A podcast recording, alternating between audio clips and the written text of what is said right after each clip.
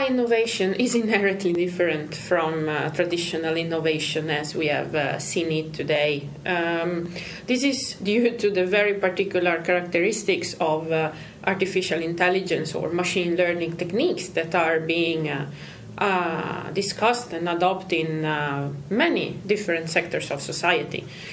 controversies, for example, arise around the automation of clinical judgments in healthcare or the public sector um, in the Nordic countries and abroad has been exploring the um, adoption of uh, automated algorithm for uh, taking decisions uh, about uh, uh, requests for benefits from citizens or uh, the police in different countries has been um, applying AI-based techniques to predict where crime will happen.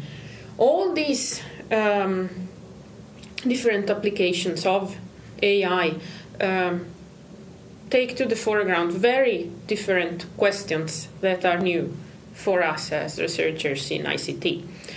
Um, the um, human factors in AI group uh, in Nordstar, uh, based uh, primarily at NTNU, will collaborate with researchers from Oslo Met and uh, other institutions by providing a complementary perspective uh, to the problem of uh, AI adoption. We will, in particular, uh, focus on AI in context.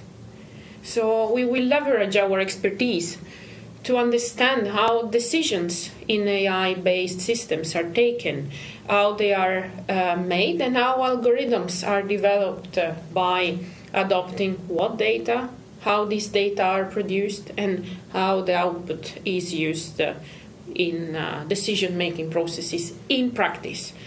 Uh, what this means is that we will take a holistic perspective uh, where uh, we will uh, focus on the long term processes through which the social, the more technical, and the organizational aspects associated with uh, the implementation, development, and adoption of AI and machine learning systems uh, unfold. And uh, crucially, what we will do is to not only focus on solving these problems right, but also making sure that we identify the right problems that emerge in practice.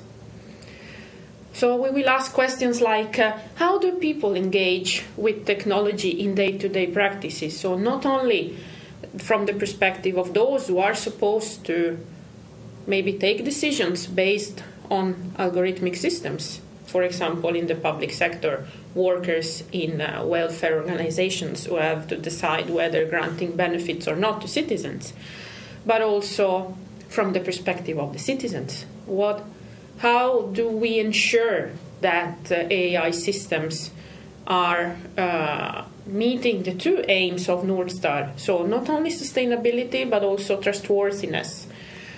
So, how can decision making processes become intelligible and trustworthy for all the parties and stakeholders involved? Um, so, specifically, we want to target the black box problem. So, making sure that uh, AI decision making processes become more intelligible uh, for everyone involved uh, because their adoption, the adoption of uh, these AI machine learning systems, has a direct impact on the way people work and live.